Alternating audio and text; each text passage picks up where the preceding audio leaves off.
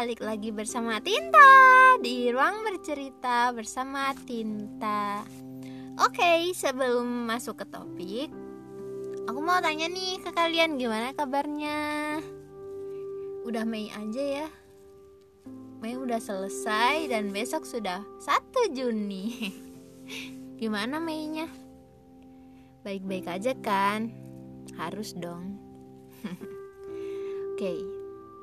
Mungkin Mei ini bakalan aku tutup dengan podcast yang bisa dikatakan mellow bagi aku. Tapi nggak tahu buat kalian. Topiknya itu adalah temanya itu kepergian. Dan judulnya adalah setelah tidak denganmu aku tidak pernah baik-baik saja. Ah.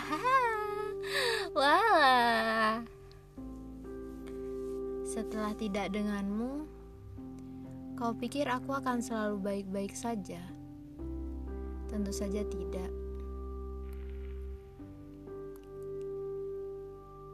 Aku menghabiskan beberapa waktu untuk menyendiri. Aku menghabiskan beberapa waktu untuk benar-benar mengenali diriku kembali di saat Seseorang yang aku anggap sebagai rumah ternyata tiba-tiba hilang tanpa arah.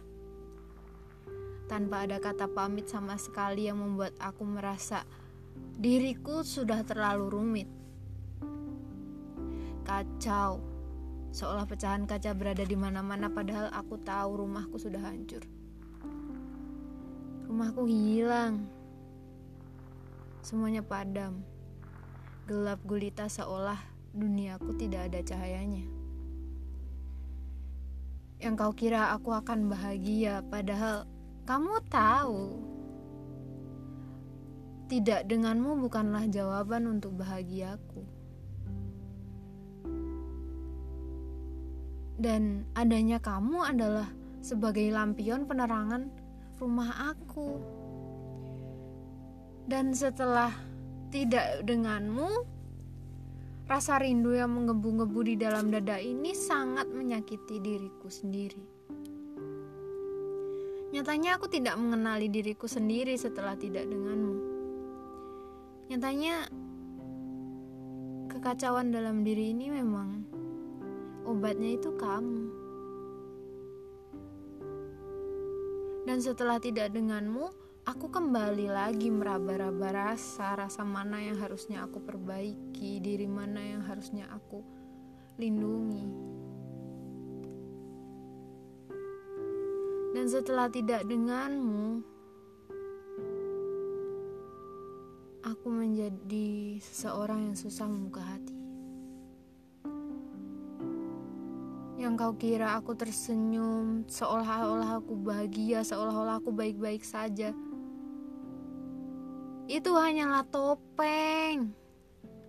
Topeng yang sengaja aku pasang agar aku selalu terlihat baik-baik saja agar kamu tidak lagi memikirkan aku.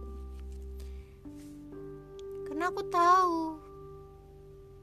setelah tidak dengan aku, kamu jauh lebih bahagia dengan tuan putri barumu. Yang kau bangga-banggakan, yang kau pamer-pamerkan di mana-mana. Apakah kau tahu?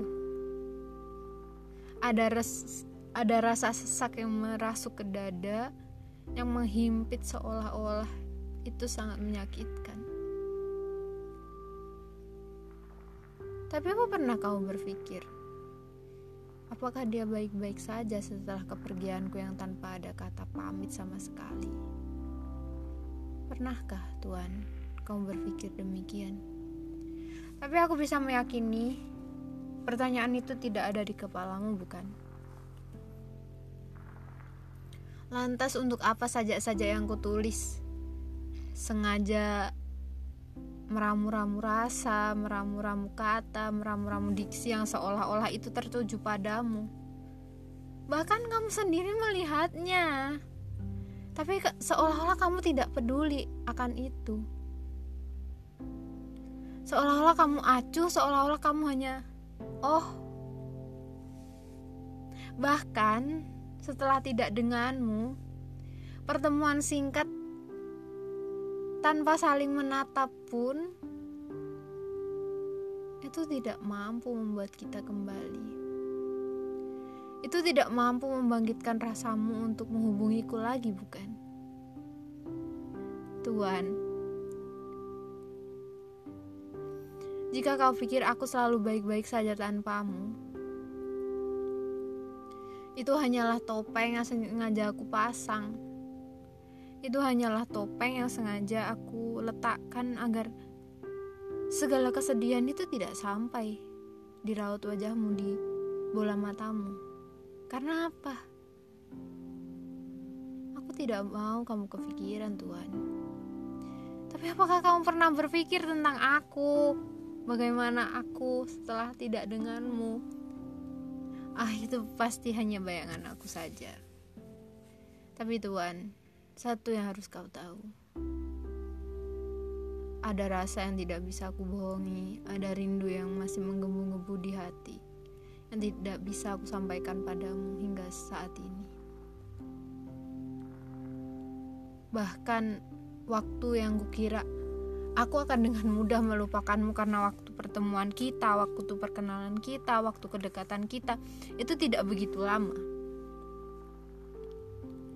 Tapi ternyata semesta dan takdir tidak pernah berkata bahwa setiap pertemuan, setiap kedekatan itu ada fasenya, ada rasa yang mungkin bakalan tetap tersimpan di hati masing-masing. Dan sampai kini aku hanya bisa memendamnya tanpa pernah bisa mengatakan padamu secara langsung. Bahkan melihat kamu online pun aku enggan. Sakit, setelah tidak denganmu, tak ada lagi yang mampu aku bagikan ke orang lain.